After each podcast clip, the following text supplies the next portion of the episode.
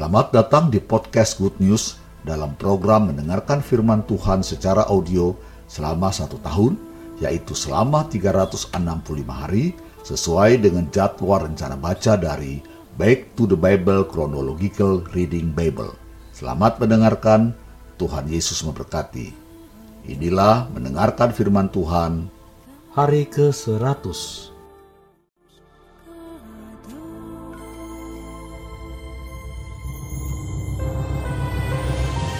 1 Samuel pasal 9 ayat 1 sampai 27.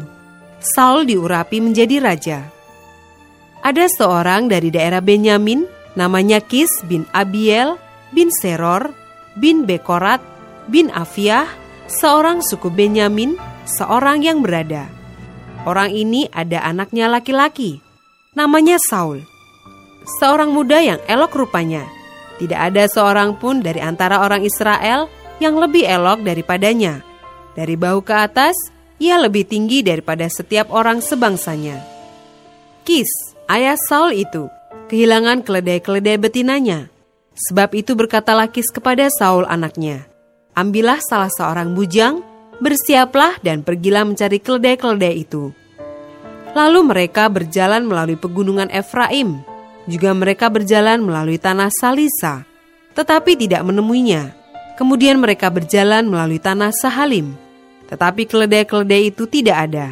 Kemudian mereka berjalan melalui tanah Benyamin, tetapi tidak menemuinya. Ketika mereka sampai ke tanah Suf, berkatalah Saul kepada bujangnya yang bersama-sama dengan dia, "Mari kita pulang. Nanti ayahku tidak lagi memikirkan keledai-keledai itu, tetapi khawatir mengenai kita." Tetapi orang ini berkata kepadanya, "Tunggu, di kota ini ada seorang abdi Allah." Seorang yang terhormat. Segala yang dikatakannya pasti terjadi. Marilah kita pergi ke sana sekarang juga. Mungkin ia dapat memberitahukan kepada kita tentang perjalanan yang kita tempuh ini. Jawab Saul kepada bujangnya itu, "Tetapi kalau kita pergi, apakah yang kita bawa kepada orang itu? Sebab roti di kantong kita telah habis, dan tidak ada pemberian untuk dibawa kepada abdi Allah itu. Apakah yang ada pada kita?" Jawab bujang itu pula kepada Saul, masih ada padaku seperempat sikal perak. Itu dapat aku berikan kepada abdi Allah itu. Maka ia akan memberitahukan kepada kita tentang perjalanan kita. Dahulu di antara orang Israel, apabila seseorang pergi menanyakan petunjuk Allah, ia berkata begini, Mari kita pergi kepada pelihat, sebab nabi yang sekarang ini disebutkan dahulu pelihat. Kemudian berkatalah Saul kepada bujangnya itu, Pikiranmu itu baik, mari kita pergi. Maka pergilah mereka ke kota, ke tempat abdi Allah itu. Ketika mereka naik jalan pendakian ke kota itu, mereka bertemu dengan gadis-gadis yang keluar hendak menimba air. Mereka bertanya kepada gadis-gadis itu, "Pelihat ada di sini?" Jawab gadis-gadis itu kepada mereka, "Ya, ada. Baru saja ia mendahului kamu. Cepat-cepatlah sekarang. Ia datang ke kota hari ini karena ada perjamuan korban untuk orang banyak di bukit pada hari ini. Apabila kamu masuk ke kota, kamu akan segera menjumpainya sebelum ia naik ke bukit untuk makan. Sebab orang banyak tidak akan makan sebelum ia datang, karena dialah yang memberkati korban. Kemudian barulah para undangan makan. Pergilah sekarang, sebab kamu akan menjumpainya dengan segera. Maka naiklah mereka ke kota, dan ketika mereka masuk kota, Samuel yang berjalan keluar untuk naik ke bukit berpapasan dengan mereka. Tetapi Tuhan telah menyatakan kepada Samuel sehari sebelum kedatangan Saul demikian. Besok, kira-kira waktu ini, aku akan menyuruh kepadamu seorang laki-laki dari tanah Benyamin. Engkau akan mengurapi dia menjadi raja atas umatku Israel, dan ia akan menyelamatkan umatku dari tangan orang Filistin. Sebab aku telah memperhatikan sengsara umatku itu, karena teriakannya telah sampai kepadaku. Ketika Samuel melihat Saul, maka berfirmanlah Tuhan kepadanya, Inilah orang yang kusebutkan kepadamu itu. Orang ini akan memegang tampuk pemerintahan atas umatku. Dalam pada itu, Saul datang mendekati Samuel di tengah pintu gerbang dan berkata, Maaf, di mana rumah pelihat itu? Jawab Samuel kepada Saul, katanya, akulah pelihat itu. Naiklah mendahului aku ke bukit. Hari ini kamu makan bersama-sama dengan daku. Besok pagi aku membiarkan engkau pergi dan aku akan memberitahukan kepadamu segala sesuatu yang ada dalam hatimu. Adapun keledai-keledaimu yang telah hilang tiga hari lamanya sampai sekarang, janganlah engkau khawatir, sebab telah diketemukan. Tetapi siapakah yang memiliki segala yang diingini orang Israel? Bukankah itu ada padamu dan pada seluruh kaum keluargamu? Tetapi jawab Saul, Bukankah aku seorang suku Benyamin, suku yang terkecil di Israel? Dan bukankah kaumku yang paling hina dari segala kaum suku Benyamin? Mengapa Bapak berkata demikian kepadaku? Sesudah itu Samuel mengajak Saul dan bujangnya. Dibawanya ke pendopo dan diberikannya kepada mereka tempat utama di depan para undangan, yang banyaknya kira-kira 30 orang. Berkatalah Samuel kepada juru masak, Berikanlah sekarang bagian yang kuberikan kepadamu tadi, dengan pesan, simpanlah ini dahulu. Lalu juru masak itu menghidangkan paha dan apa yang termasuk ke situ dan meletakkannya ke depan Saul. Dan Samuel berkata, Lihat, yang tinggal ini diletakkan ke depanmu. Makanlah, sebab telah disimpan bagimu untuk perayaan ini. Ketika aku berkata, aku telah mengundang orang banyak. Demikianlah pada hari itu Saul, makan bersama-sama dengan Samuel. Sesudah itu turunlah mereka dari bukit ke kota, dan Samuel bercakap-cakap dengan Saul di atas soto. Mereka bangun pagi-pagi, dan ketika fajar menyingsing, Samuel memanggil Saul yang ada di atas soto itu, katanya, Bangunlah, aku akan mengantarkan engkau. Lalu Saul bangun, dan mereka keduanya pergi keluar, yakni ia dan Samuel. Ketika mereka turun sampai ke ujung kota, berkatalah Samuel kepada Saul, "Katakanlah kepada bujang itu supaya ia pergi mendahului kita, tetapi berhentilah engkau sebentar, maka aku akan memberitahukan kepadamu firman Allah."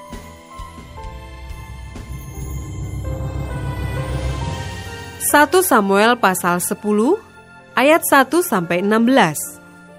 Lalu Samuel mengambil buli-buli berisi minyak dituangnyalah ke atas kepala Saul. Diciumnyalah dia sambil berkata, Bukankah Tuhan telah mengurapi engkau menjadi raja atas umatnya Israel? Engkau akan memegang tampuk pemerintahan atas umat Tuhan. Dan engkau akan menyelamatkannya dari tangan musuh-musuh di sekitarnya. Inilah tandanya bagimu, bahwa Tuhan telah mengurapi engkau menjadi raja atas miliknya sendiri. Apabila engkau pada hari ini pergi meninggalkan aku, maka engkau akan bertemu dengan dua orang laki-laki di dekat kubur Rahel, di daerah Benyamin, di Zelzah. Mereka akan berkata kepadamu, keledai-keledai yang kau cari itu telah diketemukan, dan ayahmu tidak memikirkan keledai-keledai itu lagi, tetapi ia khawatir mengenai kamu. Katanya, apakah yang akan kuperbuat untuk anakku itu? Dari sana engkau akan berjalan terus lagi dan sampai ke pohon terbantin Tabor maka di sana engkau akan ditemui oleh tiga orang laki-laki yang naik menghadap Allah di Betel. Seorang membawa tiga ekor anak kambing, seorang membawa tiga ketul roti, dan yang lain lagi sebuyung anggur. Mereka akan memberi salam kepadamu dan memberikan kepadamu dua ketul roti yang akan kau terima dari mereka. Sesudah itu engkau akan sampai ke Gibea Allah, tempat kedudukan pasukan orang Filistin. Dan apabila engkau masuk kota, engkau akan berjumpa di sana dengan serombongan nabi yang turun dari bukit pengorbanan dengan gambus, rebana, suling, dan kecapi di depan mereka. Mereka sendiri akan kepenuhan seperti nabi. Maka roh Tuhan akan berkuasa atasmu. Engkau akan kepenuhan bersama-sama dengan mereka dan berubah menjadi manusia lain. Apabila tanda-tanda ini terjadi kepadamu, lakukanlah apa saja yang didapat oleh tanganmu, sebab Allah menyertai engkau. Engkau harus pergi ke Gilgal mendahului aku, dan camkanlah, aku akan datang kepadamu untuk mempersembahkan korban bakaran dan korban keselamatan. Engkau harus menunggu tujuh hari lamanya, sampai aku datang kepadamu dan memberitahukan kepadamu apa yang harus kau lakukan. Sedang ia berpaling untuk pergi meninggalkan Samuel, maka Allah mengubah hatinya menjadi lain dan segala tanda-tanda yang tersebut itu terjadi pada hari itu juga. Ketika mereka sampai di Gibea dari sana, maka bertemulah ia dengan serombongan nabi. Roh Allah berkuasa atasnya, dan Saul turut kepenuhan seperti nabi di tengah-tengah mereka. Dan semua orang yang mengenalnya dari dahulu melihat dengan heran bahwa ia bernubuat bersama-sama dengan nabi-nabi itu. Lalu berkatalah orang banyak yang satu kepada yang lain, Apakah gerangan yang terjadi dengan anak Kis itu? Apa Saul juga termasuk golongan nabi?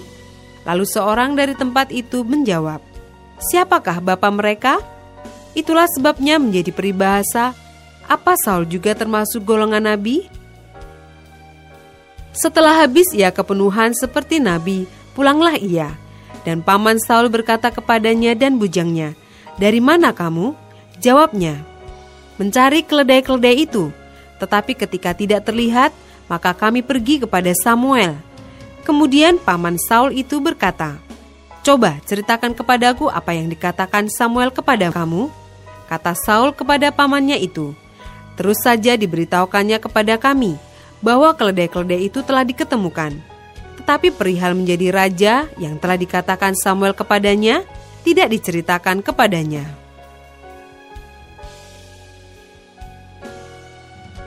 Ayat 17 sampai 27. Saul menjadi raja dengan undian. Kemudian Samuel mengerahkan bangsa itu ke hadapan Tuhan di Mispa. Dan ia berkata kepada orang Israel itu, Beginilah firman Tuhan, Allah Israel. Aku telah menuntun orang Israel keluar dari Mesir dan telah melepaskan kamu dari tangan orang Mesir dan dari tangan segala kerajaan yang menindas kamu. Tetapi sekarang kamu menolak Allahmu yang menyelamatkan kamu dari segala malapetaka dan kesusahanmu dengan berkata, "Tidak, angkatlah seorang raja atas kami." Maka sebab itu, berdirilah kamu di hadapan Tuhan, menurut sukumu dan menurut kaummu. Lalu Samuel menyuruh segala suku Israel tampil ke muka, maka didapati suku Benyamin. Sesudah itu disuruhnyalah suku Benyamin tampil ke muka menurut kaum keluarganya, maka didapati kaum keluarga Matri. Akhirnya disuruhnyalah kaum keluarga Matri tampil ke muka seorang demi seorang, maka didapati Saul bin Kis. Tetapi ketika ia dicari, ia tidak diketemukan. Sebab itu ditanyakan pulalah kepada Tuhan. Apa orang itu juga datang kemari? Tuhan menjawab, Sesungguhnya ia bersembunyi di antara barang-barang. Berlarilah orang ke sana dan mengambilnya dari sana. Dan ketika ia berdiri di tengah-tengah orang-orang sebangsanya, ternyata ia dari bahu ke atas lebih tinggi daripada setiap orang sebangsanya. Dan Samuel berkata kepada seluruh bangsa itu, "Kamu lihatkah orang yang dipilih Tuhan itu? Sebab tidak ada seorang pun yang sama seperti dia di antara seluruh bangsa itu." Lalu bersoraklah seluruh bangsa itu demikian, "Hidup raja!" Kemudian Samuel menguraikan kepada bangsa itu tentang hak-hak kerajaan, menuliskannya pada suatu piagam dan meletakkannya di hadapan Tuhan. Sesudah itu Samuel menyuruh seluruh bangsa itu pulang masing-masing ke rumahnya. Saul pun pulang ke rumahnya ke Gibea dan bersama-sama dengan dia ikut pergi orang-orang gagah perkasa yang hatinya telah digerakkan Allah. Tetapi orang-orang Dursila berkata, Masakan orang ini dapat menyelamatkan kita? Mereka menghina dia dan tidak membawa persembahan kepadanya, tetapi ia pura-pura tuli 1 Samuel pasal 11 ayat 1 sampai 15. Saul menyelamatkan Yabes. Maka Nahas, orang Amon itu, bergerak maju dan berkemah mengepung Yabes Gilead. Lalu berkatalah semua orang Yabes itu kepada Nahas, Adakanlah perjanjian dengan kami, maka kami akan takluk kepadamu. Tetapi Nahas, orang Amon itu berkata kepada mereka, dengan syarat inilah aku akan mengadakan perjanjian dengan kamu, bahwa tiap mata kananmu akan kucungkil. Dengan demikian aku mendatangkan malu kepada segenap orang Israel. Para tua-tua Yabes berkata kepadanya, Berilah kelonggaran kepada kami tujuh hari lamanya, supaya kami mengirim utusan ke seluruh daerah Israel. Dan jika tidak ada seorang pun yang menyelamatkan kami, maka kami akan keluar menyerahkan diri kepadamu.' Ketika para utusan itu sampai di Gibea Saul, dan menyampaikan hal itu kepada bangsa itu, menangislah bangsa itu dengan suara nyaring. Saul baru saja datang dari padang dengan berjalan di belakang lembunya, dan ia bertanya, "Ada apa dengan orang-orang itu sehingga mereka menangis?" Mereka menceritakan kepadanya kabar orang-orang Yabes itu. Ketika Saul mendengar kabar itu, maka berkuasalah roh Allah atas dia, dan menyala-nyalalah amarahnya dengan sangat. Diambilnyalah sepasang lembu, dipotong-potongnya, lalu potongan-potongan itu dikirimkannya ke seluruh daerah Israel dengan perantaraan utusan. Pesannya, siapa yang tidak maju mengikuti Saul dan mengikuti Samuel, lembu-lembunya akan diperlakukan juga demikian. Lalu Tuhan mendatangkan ketakutan kepada bangsa itu, sehingga majulah mereka serentak. Ketika Saul memeriksa barisan mereka di Besek, maka ada 300 ribu orang Israel dan 30 ribu orang Yehuda. Kepada para utusan yang datang itu dikatakan, Beginilah kamu katakan kepada orang-orang Yabes Gilead, Besok pada waktu panas teriknya matahari, akan datang bagimu penyelamatan Ketika para utusan kembali dan memberitahukan hal itu kepada orang-orang Yabes, bersukacitalah mereka. Lalu orang-orang Yabes itu berkata kepada Nahas, "Besok kami akan keluar menyerahkan diri kepadamu, maka bolehlah kamu lakukan terhadap kami apa pun yang kamu pandang baik." Keesokan harinya Saul membagi rakyat itu menjadi tiga pasukan. Mereka itu masuk ke tengah-tengah perkemahan musuh pada waktu kawal pagi dan memukul kalah orang-orang Amon sebelum hari panas, dan terserak-seraklah orang-orang yang lolos itu, sehingga di antara mereka tidak ada tinggal dua orang bersama-sama. Lalu berkatalah bangsa itu kepada Samuel, Siapakah yang telah berkata, masakan Saul menjadi raja atas kita? Serahkanlah orang-orang itu supaya kami membunuhnya. Tetapi kata Saul, pada hari ini seorang pun tidak boleh dibunuh, sebab pada hari ini Tuhan telah mewujudkan keselamatan kepada Israel. Dan Samuel berkata kepada bangsa itu, "Marilah kita pergi ke Gilgal dan memperbaharui jabatan raja di sana." Lalu pergilah seluruh bangsa itu ke Gilgal dan menjadikan Saul raja di sana di hadapan Tuhan di Gilgal. Dan mereka mempersembahkan di sana korban keselamatan di hadapan Tuhan. Dan bersukarialah di sana Saul dan semua orang Israel dengan sangat.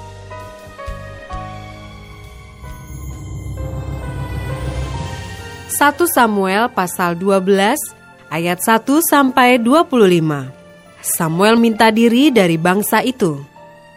Berkatalah Samuel kepada seluruh orang Israel, "Telah kudengarkan segala permintaanmu yang kamu sampaikan kepadaku, dan seorang raja telah kuangkat atasmu. Maka sekarang raja itulah yang menjadi pemimpinmu. Tetapi aku ini telah menjadi tua dan beruban." Dan bukankah anak-anakku laki-laki ada di antara kamu? Akulah yang menjadi pemimpinmu dari sejak mudaku sampai hari ini. Di sini aku berdiri. Berikanlah kesaksian menentang aku di hadapan Tuhan dan di hadapan orang yang diurapinya. Lembu siapakah yang telah kuambil? Keledai siapakah yang telah kuambil? Siapakah yang telah kuperas? Siapakah yang telah kuperlakukan dengan kekerasan? Dari tangan siapakah telah kuterima sogok sehingga aku harus tutup mata? Aku akan mengembalikannya kepadamu. Jawab mereka, Engkau tidak memeras kami, dan engkau tidak memperlakukan kami dengan kekerasan, dan engkau tidak menerima apa-apa dari tangan siapa pun. Lalu berkatalah ia kepada mereka, Tuhan menjadi saksi kepada kamu, dan orang yang diurapinya pun menjadi saksi pada hari ini.' Bahwa kamu tidak mendapat apa-apa dalam tanganku. Jawab mereka, dia menjadi saksi. Lalu berkatalah Samuel kepada bangsa itu, Tuhanlah saksi yang mengangkat Musa dan Harun dan yang menuntun nenek moyangmu keluar dari tanah Mesir. Maka sebab itu, berdirilah supaya aku bersama-sama dengan kamu berhakim di hadapan Tuhan mengenai segala perbuatan keselamatan Tuhan yang telah dikerjakannya kepadamu dan kepada nenek moyangmu. Ketika Yakub datang ke Mesir dan nenek moyangmu berseru-seru kepada Tuhan, maka Tuhan mengutus Musa dan Harun yang membawa nenek moyangmu keluar dari Mesir dan membiarkan mereka diam di tempat ini. Tetapi mereka melupakan Tuhan Allah mereka, dan ia menyerahkan mereka ke dalam tangan Sisera, panglima tentara di Hasor, dan ke dalam tangan orang Filistin dan Raja Moab yang berperang melawan mereka. Mereka berseru-seru kepada Tuhan. Katanya, kami telah berdosa, sebab kami telah meninggalkan Tuhan dan beribadah kepada para Baal dan para Asyitoret. Maka sekarang lepaskanlah kami dari tangan musuh kami, maka kami akan beribadah kepadamu. Sesudah itu Tuhan mengutus Yerubaal, Barak, Yefta dan Samuel dan melepaskan kamu dari tangan musuh di sekelilingmu, sehingga kamu diam dengan tenteram. Tetapi ketika kamu melihat bahwa Nahas, Raja Bani Amon, mendatangi kamu, maka kamu berkata kepadaku, Tidak, seorang raja harus memerintah kami, padahal Tuhan Allahmu adalah rajamu. Maka sebab itu, lihat, itu raja yang telah kamu pilih, yang kamu minta. Sesungguhnya Tuhan telah mengangkat raja atasmu. Asal saja kamu takut akan Tuhan, beribadah kepadanya, mendengarkan firman-Nya, dan tidak menentang titah Tuhan, dan baik kamu maupun raja yang akan memerintah kamu itu mengikuti Tuhan Allahmu. Tetapi jika kamu tidak mendengarkan firman Tuhan dan kamu menentang titah Tuhan, maka tangan Tuhan akan melawan kamu dan melawan rajamu. Sekarang tinggallah berdiri dan lihatlah perkara yang besar yang akan dilakukan Tuhan di depan matamu ini. Bukankah sekarang musim menuai gandum? Aku akan berseru kepada Tuhan supaya ia memberikan guruh dan hujan. Lihatlah dan sadarlah bahwa besar kejahatan yang telah kamu lakukan itu di mata Tuhan dengan meminta raja bagimu. Lalu berserulah Samuel kepada Tuhan. Maka Tuhan memberikan pada hari itu guru dan hujan. Sehingga sangat takutlah seluruh bangsa itu kepada Tuhan dan kepada Samuel. Berkatalah seluruh bangsa itu kepada Samuel, Berdoalah untuk hamba-hambamu ini kepada Tuhan Allahmu, supaya jangan kami mati. Sebab dengan meminta raja bagi kami, kami menambah dosa kami dengan kejahatan ini. Dan berkatalah Samuel kepada bangsa itu, Jangan takut, memang kamu telah melakukan segala kejahatan ini, tetapi janganlah berhenti mengikuti Tuhan, melainkan beribadahlah kepada Tuhan dengan segenap hatimu. Janganlah menyimpang untuk mengejar dewa kesia-siaan yang tidak berguna dan tidak dapat menolong karena semuanya itu adalah kesia-siaan belaka. Sebab Tuhan tidak akan membuang umatnya, sebab namanya yang besar. Bukankah Tuhan telah berkenan untuk membuat kamu menjadi umatnya? Mengenai aku, jauhlah daripadaku untuk berdosa kepada Tuhan dengan berhenti mendoakan kamu. Aku akan mengajarkan kepadamu jalan yang baik dan lurus. Hanya takutlah akan Tuhan dan setialah beribadah kepadanya dengan segenap hatimu. Sebab ketahuilah betapa besarnya hal-hal yang dilakukannya di antara kamu. Tetapi jika kamu terus berbuat jahat, maka kamu akan dilenyapkan, baik kamu maupun rajamu itu. Selamat, saudara sudah mendengarkan firman Tuhan hari ini. Sampai jumpa esok.